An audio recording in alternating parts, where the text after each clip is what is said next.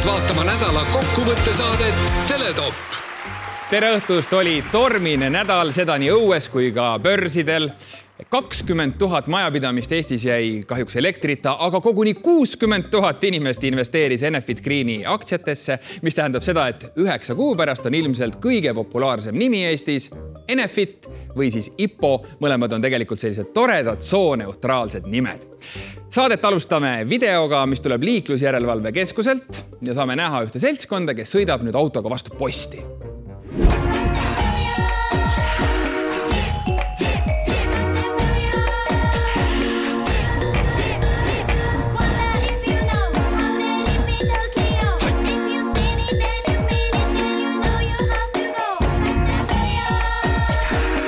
Kalvi Kalle on küll vangi pandud, aga näete, driftikunst elab ikkagi edasi ja see on nii armas, kui inimesed kallistavad üksteist raskel hetkel. kuna meie ei kavatse tänases saates vastu posti sõita, siis mingit kallistamist stuudios ei toimu kuigi võiks, sest kes suudaks vastu panna soovile kallistada nii mõnusaid mehi, nagu on Mart Juur ja Peeter Oja. ja kogu hingest, aga mitte kehast kallistame ka meie tänaseid külaliskommentaatoreid, kelleks on fantastiline lavastaja ja näitleja, äsja emaks saanud Kertu Moppel ning rahvusvaheline mees, Eesti Muusika- ja Teatriakadeemia kaasaegsete etenduskunstide professor Jüri Nael.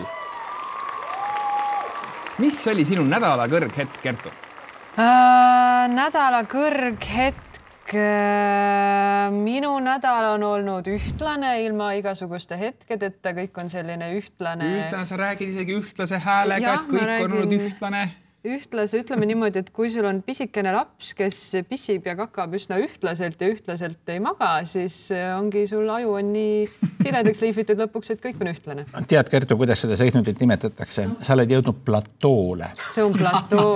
kas siit edasi läheb ainult paremaks või läheb halvemaks või see ongi nüüd see? Ma ei hakka sulle ette ära rääkima. ära spoili. jah, jah, Mardi oma siuksed ema kogemused, neid ta jagab hiljem. Jüri, kuidas sinu nädal on läinud? tegelikult mul tõesti see nädal oli väga erakordne sündmus ma käisin kuskil, kus ma arvasin, et mul mitte kunagi elus asja ei ole, mind ei ole kunagi sinna varem kutsutud. Ähm, ja ma käisin seal ja ma olin seal ja see oli üliäge. aga kõige huvitavam on see, et ma ei saa sellest rääkida see on siuke, mul on nii äge asi. ma ei saa sellest rääkida, mul on konfidentsiaalsuse nõue, ma ei saa rääkida sellest. see on nii-öelda tulevikku suunatud. see on tulevikku suunatud ja see varsti tõenäoliselt ise ma olen kogu aeg mõelnud, vaata kui näitlejatega tehakse mingisuguseid kokkuleppeid, et vot nüüd on nii ja nüüd läheme sinna, aga kellelegi rääkida ei tohi. mul on ka nüüd lõpuks ometi elus esimest korda selline case, kus ma õudselt tahaks rääkida, kus ma käisin. kas sind võeti vastu vabamüürlaseks? ei saa öelda ei saa öelda, ei saa öelda. ühesõnaga väga huvitavad nädalad on teil olnud, et sinu laps pasandab kogu aeg ja ja see on sinu kõrghetk ja sina, Jüri, said mingi eluelamuse, sellest ei saa lihtsalt rääkida, ma tänan teid mõlemaid. Peeter, sinu kõrghetk? minu kõrghetk oli see, et äh, mul, ma saatsin kirja Tallinnast Tartusse. noh, tavaline selline suurem Posti. ümbrik, postiga kirja. kuna mul oli Viimsisse asja, siis ma mõtlesin, et vaatasin, guugeldasin Viimsis postkontor, et viin siis sinna, sõidan vaatan kaardi peal näitab ühte kohta, aga silti kuskil ei ole, et kas Eesti Post või Omniva. Ja otsin, aga kaart näitab, et see, et siin peab olema, seal on mingisugune Viimsi äritare või midagi taolist. pargin sinna auto ära, no ei ole, no tee või tina, ühtegi sirti ei ole, no ei ole kuskil silt. Ja siis äkki läbi klaasi näen, et ühe sein, ühe selle öö, osa sein, see on oranž ju see peab Omniva olema. Lähen sinna ligi, vaatan, peal ei ole ühtegi silti. küsin, no tundub, et ikka on Omniva, küsin, et kas see on postkontor? ja öeldakse, oo väga hea. ja siis ma ütlesin neile, et te olete ennast väga oskuslikult ära peitnud. mille peale teenindaja ütles lahkelt, et no on ka teistsuguseid variante meid üles leida Mart, mis sina tegid? mina olen lõbustanud ennast sel nädalal ühe seltskondliku mänguga, mida mulle üks sõber õpetas. kas te teate mängu nimega Pinn ja Pukk?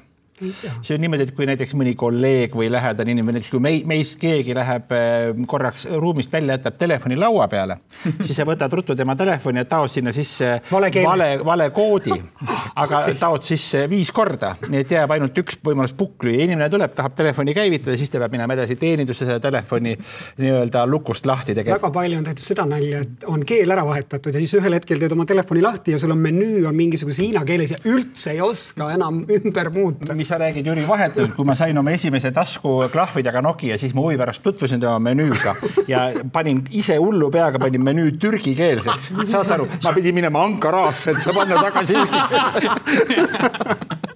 vot nii. ei ära hakka parem, see on õudne teema. ei, telefoniga on minu arust hea pull, et sa vahetad ära enda nime. et ühesõnaga, ma lähen sinu telefoni, vahetan ära öö, nime, mulle ükskord tehti seda ja üks päev minu suureks üllatuseks, olles eelmine päev ka natukene napsu võetud, siis järgmine päev hommikul helistas mulle minu alateadvus. alustame teletopiga. valimistest on nüüdseks möödas täpselt nädal ja valimispohmell peaks küll kõikidel kandidaatidel ravitud olema või kas ikka on? Neil valimistele kandideeris kokku kümme tuhat kakskümmend viis inimest, kellest sada kaks ei saanud mitte ühtegi häält, isegi mitte enda oma. millega seda selgitada, Mart? No see räägib meile sellest, et Eestis ikkagi on ausaid inimesi, kellel on ka adekvaatne maailmapilt ja õiglane enesehinnang ja mina näen seal tegelikult tohutut ressurssi ja see sada kaks number on ju väga sümboolne, et meil on sada üks Riigikogu liiget ja president. et siit me saame täpselt sada üks väga ausat Riigikogu liiget ja väga ausa presidendi nende inimeste hulgast. Jüri, sina tegeled palju inimeste julgustamisega, võtta riske. mis sa ütleksid nendele saja kahele, et, et, et ikkagi hääletada enda poolt, mis nad tegema peaksid? No ega alati ei pea ju siis äh, võitma, ma arvan, et osavõtt on tähtsam kui, kui, kui see tulemus. Ja ma arvan ka, et äh, see näitab lihtsalt seda, et need inimesed tõepoolest panid iseennast letti äh, ja lasid maailmal otsustada, mis on õige, mis on vale, et ei mingit sahkermahkerit, ei mingisugust kohtumist valijaga, ei mingisuguseid lubadusi. kusjuures minu arust see on huvitav, sa ei, sa ei saa öelda, et sa ei kohtunud valijaga sa oled ise ju see potentsiaalne valija, nii et sa kohtusid ikkagi ühe valijaga. iga päev. aga see oli, see on sada protsenti fail rate, sellepärast et ka see üks valija ei valinud sind. ja, aga tead, seal on ka alati see, et sa pead olema ka aus, keda sa tegelikult ise tahad näha, et see, et sa iseennast paned, ei tähenda seda, et sa tahad iseennast seal näha vot see on ausus, mitte see, et ma hääletan iseenda poolt, vaid see, et vot naabri Pets oli tegelikult ikkagi palju parem no. ja tegelikult. mina hääletaksin ka Petsi poolt. tegelikult juhtub ju ka niimoodi, minul näiteks on sageli see, et attendid ennast mingile üritusele. ütleme näiteks, et toimub mingisugune väga lahe pidu, osalen. aga tead, kui see aeg kätte jõuab, mõtled, ei viitsi. tegelikult ei viitsi ju. ja täpselt sama asi, et mõtled, et valimised, osalen, osalen, kandideerin, aga siis kui aeg, mõtled, aga milleks? aga tegelikult võib-olla oleks võib-olla mõistlik see, et võiks võiks selle valimise ümber korraldada nii, et kui kohaliku omavalitsuse valimised toimuvad, siis tegelikult kõik peavad kandideerima. et noh, kõik, kõik ja siis meil ongi valida kõigi vahel, mitte ainult nende vahel, kes tahavad, vaid, vaid kõik. seal on ka üllatusmoment, sa oled kodus, palju õnne, tuleb mingi orkester ukse taha. palju õnne, härra Oja, te olete valitud peaministriks oh,. millal? just nüüd, rahvas on teie poolt. hääletame teemat, et Eestis on sada kaks inimest, kelle poolt ei hääletanud mitte keegi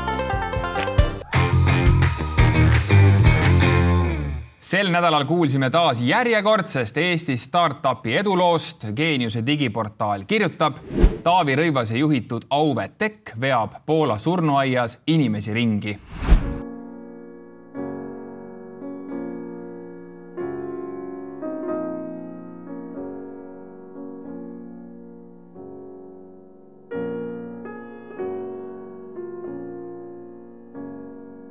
Kertu, kuidas sul kuidas sulle tundub selline edulugu äh,? ma ei tea, minu arust see on nagu tore kuidagi. et Taavil selle tehnikaga on sellised keerulised seosed, et külmkappidega tal nii hästi ei läinud, et mulle meeldib, et ta on mingi sellise uue, uue nagu suur, suurema tööstusliku vahendi valinud, millega märkima ajata. ja mulle meeldib ka see tegelikult, et kui nüüd mõtlema hakata, siis äh, paljudel Eesti tipp-poliitikutel on, on mingi selline nagu suhe transpordivahendiga. näiteks noh, Taavil on nüüd surnuaiabuss, eks ju Kõlvartil on see metrootramm eh, ja Mart Helme on ise troll. Eh, Mart, Taavi Rõivas on siis saanud maha sellise surnuaia pisikese bussikesega. ja et see te- te- teenus, nagu ma aru saan, see on, toetub ju mingitele uuringutele, tõesti surnuaedades vahemaad on väga pikad, jalavaeva on vaja, vaja aidata. ma hakkasin ka mõtlema, et Eesti surnuaedades see transpordiviis ju ei toimiks, sest meil on need rajad eh, kitsamad ja need surnuaed pole ka nii suured, eks ole.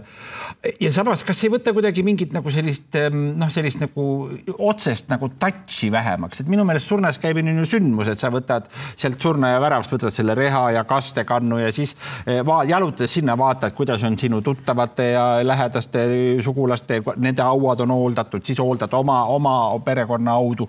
et see on nagu selline suur seltselu, et see on nagu noh, selline noh, see on nagu selline ühistöö, et see muudab, muudab kuidagi mehaaniliseks, kui sa lähed lihtsalt bussiga kohale. varsti on mingi teine startup firma, kes ütleb, et noh, nad teevad selle rehitsemise seal ära.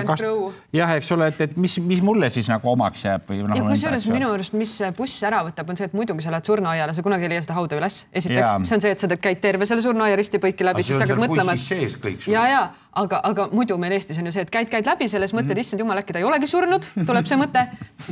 ja siis, mis veel juhtub, sa avastad väga huvitavaid haudasid, sa saad teada, näed, see on ka surnud, muidu sa ei saaks teada. mulle nagu mõtles, et võib-olla, et mis oleks Eestis võib-olla teema. minu arvates näiteks, kuna meil on tõesti palju puid mm, -hmm. siis tegelikult võiks olla surnuaedade kohal nagu selline seikluspark. et, et sa võid ronida kuskile üles ja siis sa seal latvade vahel kõnnid mööda redelit ja ronid alla ja saad vaadata kuidagi. noh, jällegi ma tahaks ka surnuaeda näha nagu kuidagi suurema perspektiiviga selles mõttes, et nagu näha seal, et kuidas nad on pandud ja kes kus on ja see oleks ka võib-olla põnev, atraktiivne ja teha erineva raskusega neid leveleid, et on nagu laste tittede äh, nagu rada ja siis on eakate inimeste Just. rada ja väga palju Ja variante on see, kogu aeg on ju see, et noh, kas see et eakate inimeste rada lõpeb otse hauda või? no eks me sinna jõuame lõpuks kõik. see võib, vot, vot eakatel just täpselt, ühesõnaga seal võiks tõesti olla erinevaid asju, see nagu tooks pere kokku või, või kuidagi kõigil oleks seal nagu midagi teha, sest noh, äkki on ikka niimoodi alati, et kui minnakse kellegi hauda puhastama või midagi, siis kellelgi on igav, sest pere on suur, aga siis keegi ronib puu otsas ja teeb mingeid muid asju, korjab käbisid, millest tehakse pärast mingisugune ilus kunstiteos sinna mm -hmm. hauaplatsile, et selles mõttes see oleks jälle selline tore. ma teen ettepaneku panna sellele asutusele nimeks, see surnuaed kõlab morbiidselt, eks ju hauapark väga head ideed, hääletame seda teemat, et Taavi Rõivase juhitav startup on viinud Poola kalmistule bussi.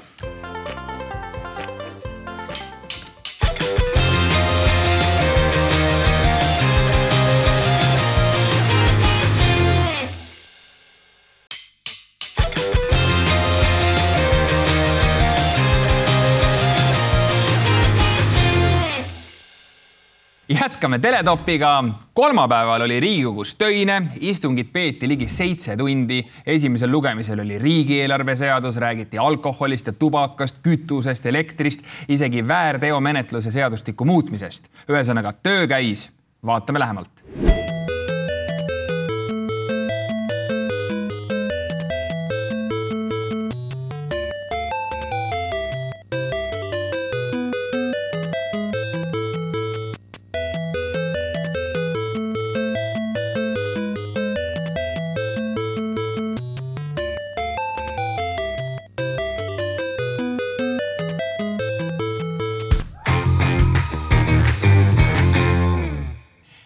Nüüd sport. Kertu ja Jüri, mul on teile küsimus, mis spordialaga on tegemist? ¿Cómo la había salvado el argentino, eh? ¡Sí, ¡No me lo puedo creer! ¿no? ¡Qué puntazo! ¡Continúan! ¡Francesco de la Cruz también! mis te arvate? Need kommentaatorid. ma mõtlesin, need on sportlased. ei, ei, need on mingisugune- see on kommentaatorid. mingi väitlus, väitlussport, kus inimesed argumenteerivad väga tulihingeliselt. minu arust see kõlas nagu esimene stuudio, täpselt ja. just. vaatame koos videoga ¿Cómo la había salvado el argentino, eh? haciendo? ¡No ¡No me lo puedo creer! Toque, ¿no? ¡Qué puntazo! ¡Continúan! ¡Francesco de la Cruz también! Peeter, selline spordiala, väga vahva. jah, oled kunagi mänginud? ei ole ja ei, ma ei plaanigi seda, aga väga vahva on sa ei ole tõesti. mänginud kunagi sellist mängu? Ei ole. Mart, mina olen seda küll mänginud, ma olen oma elus käinud tööl ja olnud ka nii-öelda kontoritööl ja ühes minu töökohas oligi mul komme oma toanaabriga, kelle nimi oli Ilmar. ta oligi selline mäng, et me, mäng käis selle peale, veel meil oli veel see reegel, et me ei tohtinud tõusta nendest pöördtoolidest, mis olid ratastega ja kabinet, kus me viibisime, oli väga suur reegel oli see, et me püüdsime õhupalli hoida õhus terve tööpäeva jooksul. Ja see õnnestus sageli. see õnnestus väga sageli, see on väga põnev mäng ja see on füüsiliselt väga huvitav, sest sa teed ju ebastandardseid liigutusi, sa sõidad selle tooliga, see on hästi huvitav. Ja jube kahju on see, et kolmkümmend kaks riiki käis sellel ja vaata Eesti ei osalenud seal, näiteks praegu me teame, et Tänakul ja Järveoal ei lähe autosõidus hästi, kogu aeg auto on katki, et lõhuvad seda Hyundai'd, millega nad sõidavad, et jumal, ma näen kaks võimekast meest, kiivrid peas, hoopis liikuvam ala kui see autos istumine hääletame seda, et toimus maailma esimene õhupalli mm.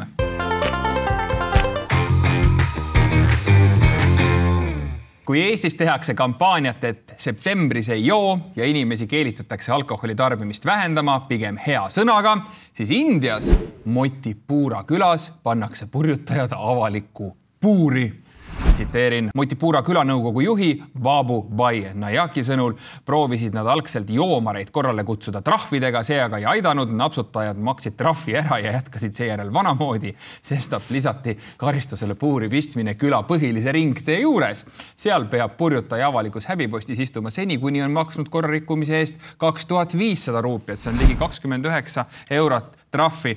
Mart, selline karistus siis. Selline karistus, et see eh, huvitav on see, et India on ju väga populaarne turismipiirkond, et kuidas, kuidas näiteks Eesti või Soome turistid, kes armastavad eh, reisielamusi teravdada koha peal müütav, müüdavate jookidega, kuidas nad seal Motipuura külas eh, hakkama saavad, samas see trahv ei ole nii suur. Ja mina näiteks Eesti kogemuse pealt ütleksin seda, kui ma eh, maakohtades, väikestes kohtades ikka juuakse õlut bussipeatuses, kusagil pargipingil, et seal tegelikult ei ole vahet, kui mind, mind näiteks keegi paneks Otepää ringtee ääres puuri selle eest, et ma Kultuuripäeva pargis võtsin õlle, mind see häiriks, sest et ringtee lähedal on ka kohe see väiksem koopipood, kus saab juurde tuua, et pigem see minu meelest see otsus on ohtlik, see tegelikult selle joomasõprade tegevust kumuleerida, võib tekkida kas nii-öelda sülem. koha nimi Eestis ei ole lihtsalt mitte välikohvik. Motipuura, nojah, see ongi välja. Motipura ehk välikohvik.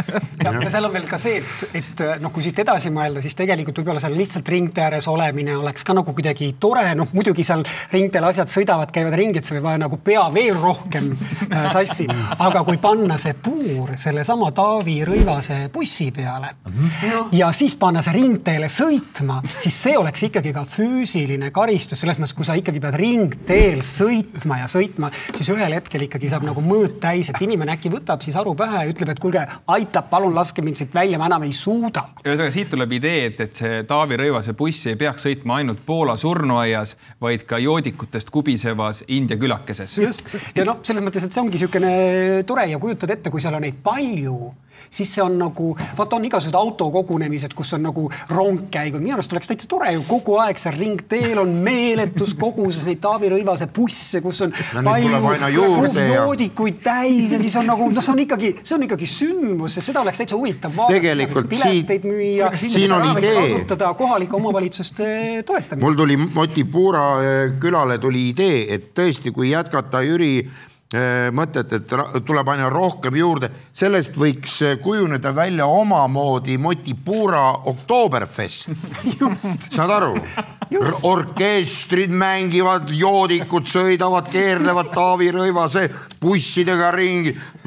ma ei saagi kaineks vist, see selg- see ring ei lõpe kunagi ära. sest selge on see, et seal on väga palju andekaid inimesi, kes võivad igasuguseid asju teha Kindlasti. ja kui me kasutame selle potentsiaali ära, et nad mitte lihtsalt ei istu, vaid nad teevad seda, mida nad ka tõesti tegelikult hästi oskavad. aga Jüri, selle tegevuse juures kaob ära põhitegevus, ei jätku enam aega joomiseks. ei, aga rahvas tuleb ju juurde, need toovad lisa kogu aeg ja, ja kuna see on Coopi, Coopi poe, kohaliku Coopi poe kõrval, siis noh, see, ega see ei peatu ju. väga palju häid ideid otse Eestist Indiasse, hääletame.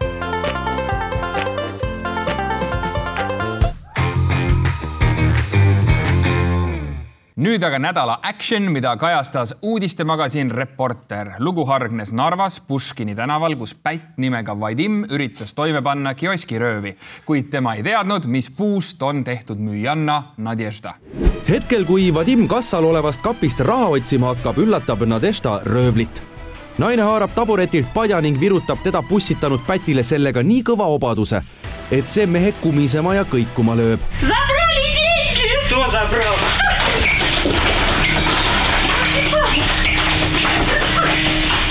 Vadim proovib põgeneda, nuga käes, poemüüja Nadja padjaga tema kannul. õues saab naine veel kord mehe kätte. samal ajal jalutab poe juurde püsiklient Aleksei. ta asub pätti jälitama ja sunnib ta pikali heitma. Aleksei võtab röövli pükstelt nahkrihma ning seob ta käed tugevalt selja taha kokku ning talutab ta sündmuspaika tagasi selleks hetkeks on juba kohal ka kiirreageerijad. siin on üks asi, ma täiesti imestan seda, Vadim, et tegemist on hästi rumala inimesega ah. Müüjatel on ju olemas sildid ja kui müüja nimi on Nadježda ehk siis äh, lootus. no mis lootus sul on saada sealt raha? temal on lootus, aga sinul ei ole mingit, noh, et ma saan aru, oleks eestlane läinud sinna, et ta ei tea, mis see tähendab venelane näeb ja ta ikka võtab kokku, nii et Nadjasta käik oli täiesti korrektne. mina näen siin nüüd televisiooni pedagoogilist ja kasulikku Aha, mõju. Padjaklubi, Kertu, see on just nimelt see, millega te tegelete kõik need aastad. Mm. ja, ja, ja see on sul alateadvuses. Nadjesta mõtlen... on sinu fänn. no muidugi on, ta ise ei tea seda, aga ta on. ei, lihtsalt ma mõtlen seda, et kui inim-, kui badass mutt see Nadjesta on päriselt, sul on valida nagu, ta võttis tabureti pealt padja sul tuleb kurjategija, mis sa teed, sul on valida, sul on murdosa sekundist otsustada, kas ma võtan padja või ma võtan tabureti. mutt võtab padja, sest ta on nii kõva mutt lihtsalt. no ta ei tahtnud ka ju haiget teha, nad Esta on ikkagi selles mõttes ikkagi sooja südamega proua, et ta nagu saab jagu, mitte nii, et kohe pumm ja kuul pähe, vaid ikkagi padjaga sõbralikult ja püksirihmaga. aga see ongi tore lugu, ütleme, et seda vaadata päris kole, sest mõelda, et sa oled tööl ja tormab sisse röövel, vehib noaga ja nõnda edasi, see on hirmutav, aga, aga need Narva inimesed said ju väga hästi hästi selle kodanikuga hakkama, et Nadježda eh, jälitas seda isikut eh, Vadimi padjaga ja siis tuli üks püsiklient Aleksei, kes oli nii kõva mees, et võttis Vadimi pükstelt püksirihma ja sidus Vadimi käed tema püksirihmaga kinni. nii-öelda nad valmistasid kauba ette, et kui tulid kiirreageerijad, siis ei läinud Vadim nii-öelda ahjusoe Vadim sealt nagu bussi tõsta ja ära viia. minul on olnud selline konflikt ainult ühe korra Londonis, kus ma öösel sõitsin rattaga kanali ääres, mõlemalt poolt tuli kinni ja siis kaks meest sõitsid mulle ette ja võtsid noad välja, samamoodi nagu seal Nadestal mm -hmm. oli, noh, õnneks nad luga, nuga selga ei löönud, aga, aga noh, ma olin situatsioonis, kus kaks nuga oli kõri peal ja öeldi, et vot anna nüüd oma krediitkaart. ja siis ma ütlesin, et no mina ei taha konflikti, sest noh, padjasõdalasena mul ei olnud patjagi võtta mm. -hmm ja siis noh, kahe noa vastu päris nii ka ei lähe ja siis äh, ma ütlesin, et noh, võtke mu kaart, andsin vale PIN-koodi, teades, et nad ei saa seda kontrollida, sest lähedal ei ole kuskil mitte ühtegi äh, automaati. ja siis nad tulevad välja väga huvitava mõttega, et vot nüüd meie sinuga jääme siia, üks, üks, üks tüüp ütleb, aga et siis teine läheb ja võtab siis raha välja. ja vot murdosa sekundiga minu padjasõdalane sai väga hästi aru, et see on nüüd ikkagi suletud ring ehk et kui nüüd keegi läheb kuskile ja me istume ja ootame ja siis ma näen nende nägusid ja nii edasi ja nii edasi, et see kõik tundus väga kahtlane. ja minu keha, minu padjasõdalase keha reageeris sekunditega, murdosa sekunditega, mul patte ei olnud, aga mul oli jalgratas. Ja jalgratas muutus järsku tuliratsuks ja ma tegin minge tega kõik. ma ei tea, mida ma seal ütlesin, võib-olla see oli inglise keeles. Ja selle peale lihtsalt tänu sellele, et mul ratas muutus loomaks, ma ise muutusin vagurast hiirest selliseks, noh nagu Nadježda, ta kasutas mm -hmm. juba alguses taktikat, et ma olen õrn, ma ei saa, ma ei oska, võtke kõik, mis teil on. ma käitusin samamoodi, aga siis järsku oli nagu ja tüübid lihtsalt tardusid paigale, sest ka nemad kuigi nad ei ole padjasõdalased, said aru, et tegu on padjasõdalasega ja siin ei ole mitte midagi teha. kas sul nüüd natuke kahju ei ole, et kusagil Inglismaal on kaks või London, kas London, kusagil Londonis on kaks britti, kellel on sinu krediitkaart ja raha kätte ei saa on küll, aga ma arvan, et nad räägivad ka lugusid sellest, kuidas nad kohtusid tegelikult padjasõdalasega, kes lihtsalt ilma see... mitte millegita, ilma vahenditeta lihtsalt pani nad paika. nii et Nadježda ei ole üksi, koos temaga on ka Jüri Nael, kes võitleb pättidega, hääletame hea televaataja, kui sa praegu sööd Teletopi saadet vaadates või leiba näiteks, siis pane kohe heaga osa sellest kõrvale. miks? aga sellepärast, et sel nädalal selgus, et Riigikogu, kes peaks tegelema koroonakriisiga, arutab hoopis riigikaitseseaduse muutmist, mille järgi võib riik vajadusel rahva toiduvarude kallal käia niimoodi, et alles jäetakse vaid nädala toiduvaru. Kertu, kui suur on sinul toiduvaru kodus äh,? üsna, üsna selles mõttes, et minu arust see on väga hea uudis ja mulle väga meeldiks näiteks, kui äh, näiteks Kalle Laanet tuleks isiklikult, konfiskeeriks ära minu kodust krõpsud, konfiskeeriks ära kõik šokolaadid, kommid, asjad, mida me tegelikult ei tohi süüa. praegu on Eesti lapsed on ülekaalulised, see on noh, see on probleem minu arust riik võiks tegeleda selle asjaga. et Laanet peaks hakkama käima lastel kommi ära võtmas. jah, jah, jah, jah. ja siis ma ei tea, Tanel Kiik, kui tahab, võib panna need sinna Terviseameti sinna külmlattu, mis nagunii ei külmuta, seal saab hoida neid asju. seal lähevad kiiresti halvaks. Keegi ei taha neid enam. sisse panna. ja panna küte sisse, kommid lähevad halvaks. ma võin oma, oma suguvõsa pärimusest rääkida seda, et mul vanaema rääkis, kui tulid neljateistkümnendal aastal sisse sakslased, siis sakslased tulid ja nõudsid muna ja pekki. kui tulid venelased neljakümne neljandal, siis nad viisid lehma minema. ja siis pärast seda päeval käisid julgeolekumehed, kes viisid minema ükskord terve potitäie sülti, aga öösel käisid metsavennad, kes võtsid kartuleid ja kapsaid ja olles kapsad ära söönud, siis peeretasid muldonnist pärast metsa vahele, et selles mõttes see on hea olukord, et see nüüd kuidagi reguleerib seda, et midagi peaks jääma sulle ju ka nagu endale alles. aga inimestel tänapäeval tõesti kodudes ei pruugi seda nädalast varu olla, et ma näen, et, et laias laastus ikkagi need, kas siis Eesti kaitseväed või muud väed, nad peavad hakkama ikkagi Wolti ja Bolti kullerit püüdma, tegelikult reaalselt. niisiis riik asub reguleerima elanikelt toidu võõrandamist, hääletame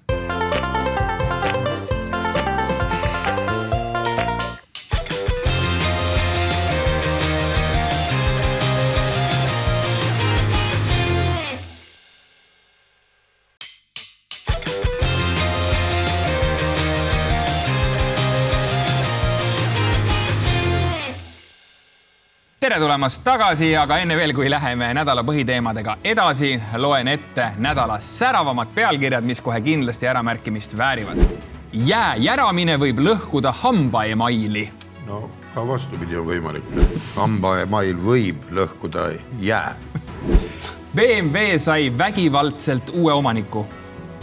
Postitee Kostiteel valiti ka parim omavalitsuspirukas.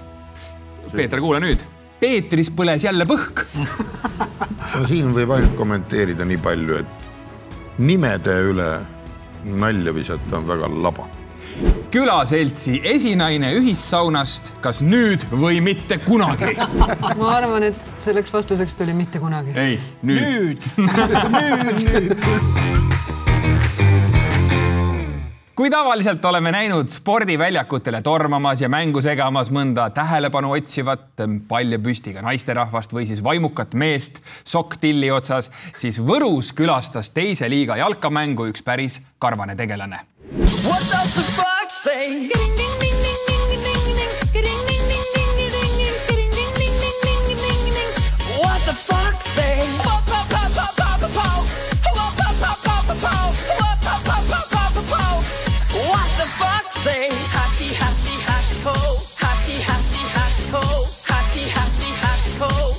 Rebane käis kohtumise viimasel kümnel minutil siis platsil väikeste vaheaegadega ja kokku lausa kolmel korral. et selline show, Jüri no,. mulle tundub, et Rebane oli väga järjekindel ja, ja ma arvan, et see on väga-väga normaalne praeguses olukorras, kus eh, nii-öelda linna ja metsa piir hägustub, noh näiteks selle karantiini ajal oli väga hästi, nad põdrad ja kõik ja. tulid linna. noh, ju siis see Rebane nagu jäigi ja see on nagu põhimõtteliselt ikkagi mulle tundub, et see on nagu tema territoorium, et tal on nagu täielik õigus seal olla, see, et mingil hetkel inimesed tulevad sinna mingit palli taguma.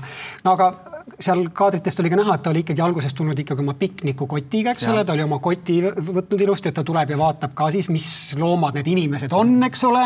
ja siis need tüübid lihtsalt hakkavad teda ära ajamas, et, et see oli nagu tõeline arusaamatus, nii et ma arvan, et see Rebane väga nutikalt äh, näitas, kes on olukorra peremees, et see kuulub talle ja, ja ta mm -hmm. oli väga toredasti seal niimoodi hakkajalt piknikukorviga inimloomi uurimas vaatamas tark Reban on kaval loom, väga kaval loom. ta tuli vahepeal, ta nägi, et teise tema koduvõistkond hakkas koduväljakul pähe saama. ta läks ja andis neile pange, lööge pall väravasse, mitte ärge taguge seda vastu ja. seina. miks on okei okay Siili nõuandeid kuulata? ja Reban on veel targem, veel kavalam. me ju ei tea, kas ta tormas Rebane sinna nii-öelda asja eest teist taga või näiteks oli ta selle võistkonna treener loomadelt on meil palju õppida, hääletame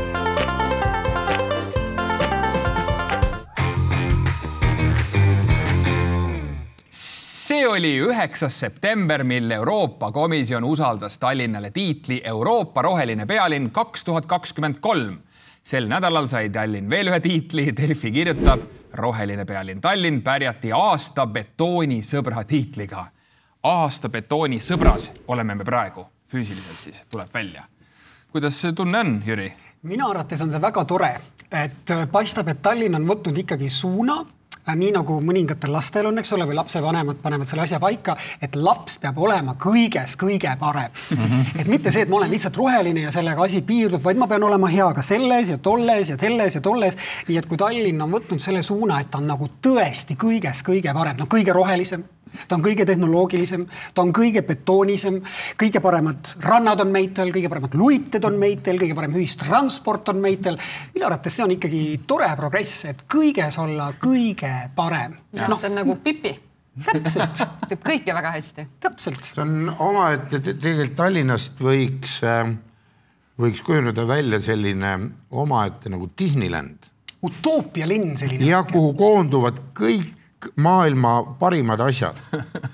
jah aga mõelgem nüüd selle peale, et, et see ongi väga oluline, et betoon tundub meile olevat selline tavaline igapäevane, me tallame tema peal, me, me mm. nõjatume tema najal ja me ei pööra mingit tähelepanu. kas on keegi varem tulnud selle peale, et sõbrustada betooniga mm.? et betoon on nii maailmas nii levinud ja tal ei ole mitte ühtegi sõpra, vähemalt olnud siiamaani mm., aga praegu Tallinn. meie tallinlased oleme betoonisõbrad. ja tegelikult see on nagu ütleme, need multifilmid või laste muinasjutud, et elas üks jänes, kellel polnud sõpra, siis oli tema sõbraks hunt ja siis oli rebane ja part ja reba ja karukesed ja nüüd samamoodi, et betoonil on Tallinn on sõber, kogu maailma betoon.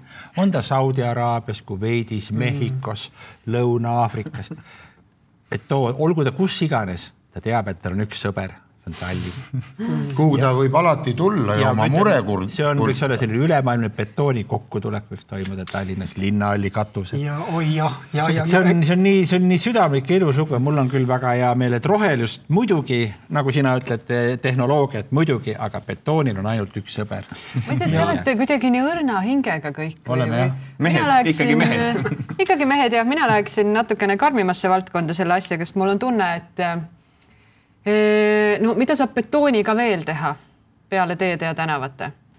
mida me oleme sellisest nagu filmiajaloost õppinud, mida annab betooniga teha? betoonist saab väga hästi teha kinga.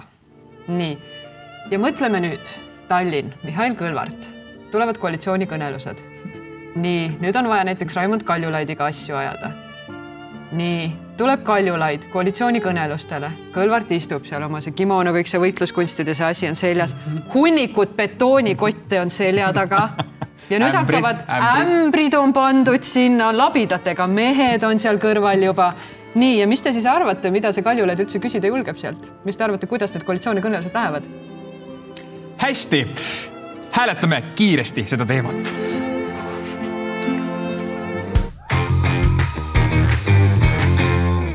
ja nüüd loeme sellist väljaannet nagu Buduaar. Buduaaris ilmus teisipäeval uudis. hüpnotisöör Ants Rootslane teatas, et ta ei ole enam hüpnotisöör Ants Rootslane. lisaks sellele, et hüpnotisöör, keda tunti nime all Ants Rootslane, on teinud ka endale uue logo. ma tsiteerin uus logo sümboliseerib ühelt poolt mu nime, aga teiselt poolt on sellesse põimitud väga iidsed sümbolid, mis teevad sellest logost midagi enamat. Järgnevate kuude jooksul areneb välja täiesti uus visuaal ja samuti tulevad ka täiesti uued suunad. ma palun meedial mitte kasutada enam nime hüpnotisöör Ants Jüri. no ma, arvan, et tegelikult logo ei ole õige sõna sest äh, noh, Inglismaal näiteks kuninglike perekondadel, neil on ikkagi perekonnavapid ja vapid tõepoolest on väga sümbolistlikud, sest see koosneb, vapp koosneb tavaliselt vist neljast osast ja iga see ruut esindab siis mingit seda, et noh, kui sa oled lõvi, paned sinna, siis vot sinu, sa oled julge nagu lõvi ja siis, kui sa oled äh, vot tark nagu kotkas ja väle nagu jänes ja vot ja siis sa paned need kokku ja see on sinu perekonnavapp ja see tõepoolest läheb põlvest põlve edasi. ma ei tea, kui tihti seda nüüd muudetakse või kui tihti see nagu muutub ja milline võib ühe hüpnotisööri äh, vapp, vapp olla või mida sealt siis ära võtta. ekshüpnotisöör. ekshüpnotisööri või mida sealt siis vapilt ära võtta, et oleks selge, et enam ei ole hüpnotisöör mul on televaatajatele lihtsalt teade. Sellest nädalast olen mina hüpnotisöör Ants Rootslane. oled ka või? päriselt? Peeter, vaata mulle otsa. juba hakkab ära vedama, juba hakkab ära vedama. mina olen hüpnotisöör. ei, ma usun, usun. jumala pärast. vaata siia. ei, ma usun, Mart. Ma vaatan, aga. olen oled, oled, oled. aga kas keegi on hüpnotiseeritud kunagi olnud? mina ei ole näiteks. mina ka ei ole, ma olen tahtnud küll, aga mul ei ole, ma ei tea, ma ei ei hakka peale. ei hakka kuidagi peale, tegelikult see informatsioon on väga mõnel ei hakka päike peal, mul ei hakka hüpnoos peal. mul ei hakka lihtsalt peal. aga vaata, kui oluline, tegelikult see on oluline teada, me võime siin naerda ihi, aga, aga mina vaatan seda hoopis teisest küljest. Kus sa ikka teatad, Buduaaris, et palun mind meedial tõesti, ma väga palun mitte nimetada mind hüpnotisöör Ansuks. see on täpselt nagu ütleme bussiliikluses linnas näiteks. pannakse silt üles, siin buss number kaheksa enam ei peatu see on ju väga vajalik, onju, et inimesed tühja ei läheks ootama sinna. samas on ka, et hüpnotiseeri mind. noh, Mart siin proovis, no aga ei tule välja veel. ma ei, mul ei hakka peale, Mart, saa aru. ma ei ole, ma ei ole enam Mart. kes sa... ma olen, Peeter, kes ma olen? Ants, issand jumal, mis ma räägin. Roots, rootslas rootslase Ants. ühesõnaga, mida tegelikult praegu Mart tegi, on ju see, et ta korjas üles ühe brändi, mis on hästi ja. sisse töötatud ja, ja, ja võttis selle enda kasutusse. aga kas äkki sa oleks saanud lihtsamat teed minna nii-öelda frantsiisi meetodil? Te praegu naerate, aga sellega seoses, et mina olen nüüd hüpnotisöör Ants Rootslane. pärast nutate. jäi vabaks eh, teletopi Mardi positsioon. mina olen nüüd, mina olen nüüd ma vaatan, et stuudios hakkab asi vaikselt käest ära minema, nii et hääletame. eile kogunes Tallinnas Vabaduse väljakul mitu tuhat inimest meeleavaldusele, nõuti vaktsineerimise ranget vabatahtlikkust, laste vaktsineerimise lõpetamist ja vaktsineerimispassidega inimestele piirangute seadmise lõpetamist. on see, on see väärt mõte? Äh,? ei noh, see selleks nagu las nad seal möllavad ja teevad, aga mind natukene häirib see, et nad, nad kasutavad äh, naisõiguslaste sloganit äh, minu keha, äh, minu õigus, et et selles mõttes, et noh, et miks see mind häirib, esiteks see on plagiaat, seda juba kasutatakse mm, -hmm. et see, see on juba äh, abordiõiguste eest võitlejate äh, kasutuses see slogan mm., et nad mõelgu siis midagi muud, kui nad nii väga tahavad oma peaga mõelda, mõelgu siis midagi muud, aga oma peaga, mitte ärgu kasutage seda, mis on teiste peadega mõeldud. no minu arust on see ju väga demokraatlik äh, meeleavaldus ja mina ootan küll huviga, et tuleks järgmisi meeleavaldusi ka kirurgia teemadel, kuidas ravida näiteks äh, luumurde. ise.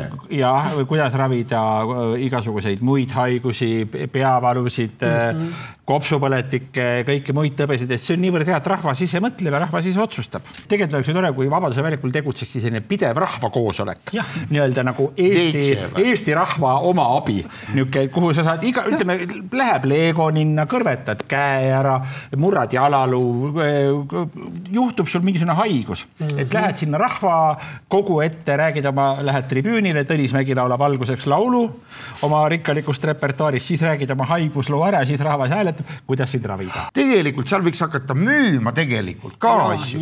uus kadakaturg turg, kus, kus on, sa, sa saad nõu, sa saad öö, osta midagi, miks mitte jah, uued toiduained maitsta saad, samas kõrval on kohe operatsioon, kui on halvaks läinud, kohe kõht lahti võetakse välja. ja minu arvates seal on iva, iva ja võlu veel selles kokkusaamises ka selles, et nagu ma enne ütlesin, selleks, et tulla välja mingisuguse uue lahendusega, mida spetsialisti, spetsialistid on ju juba üritanud küll lahendada, eks ole, selleks, et Spe. spetsialistid, spetsialistid, siis ongi vaja, et me peame nagu lähtuma nendele teemadele nagu valdkondade üleselt. selles mõttes, et tulebki inimene, kes sellest valdkonnast mitte midagi ei tea, vaatab probleemile otsa täiesti värske pilguga, ütleb, kuulge, teeme nii. teeme korda, aga tulles nüüd, tulles tagasi uuesti meditsiini teemale, miks ainult inimene? Veterinaaria, palju noh, ütleme koerakesel on midagi Ussid, juhtub. ussid, ussid, no kuidas ajad ussid ussid näiteks, sa lähed rahvakogunemise juurde, ikka leidub mõni inimene, kes annab nõu ja samas võiks kogu aeg jällegi sõita ringi Taavi, Taavi buss. see võiks ka olla rongkäik, see võiks olla üle-euroopaline tuur. mulle meeldib see idee, kuidas äh, tuhanded eestlased sõidavad surnuaiabussiga mööda Euroopat. ja värske uudis muide on ka see, et Riigikogu liikmel Kalle Grünthalil on värske kodulehekülg www.kallegrunthal.ee. klikkige sinna peale ja see juhatab teid kenasti lehele vaktsineeri.ee kompuutrisse on hääled sisestatud ja me näeme tabelit nüüd. selline on Teletopp sellel nädalal ja meeleavaldus näete ikkagi tõuseb kaheksandale kohale, aga esimesel kohal on Pätt tehti padjaga kahjutuks. ja tegevuspaik siis Narva, kus äh, rünnati kõigepealt Nadježdat ja siis Nadježda andis vastulöögi Vadimile. Кто забрал?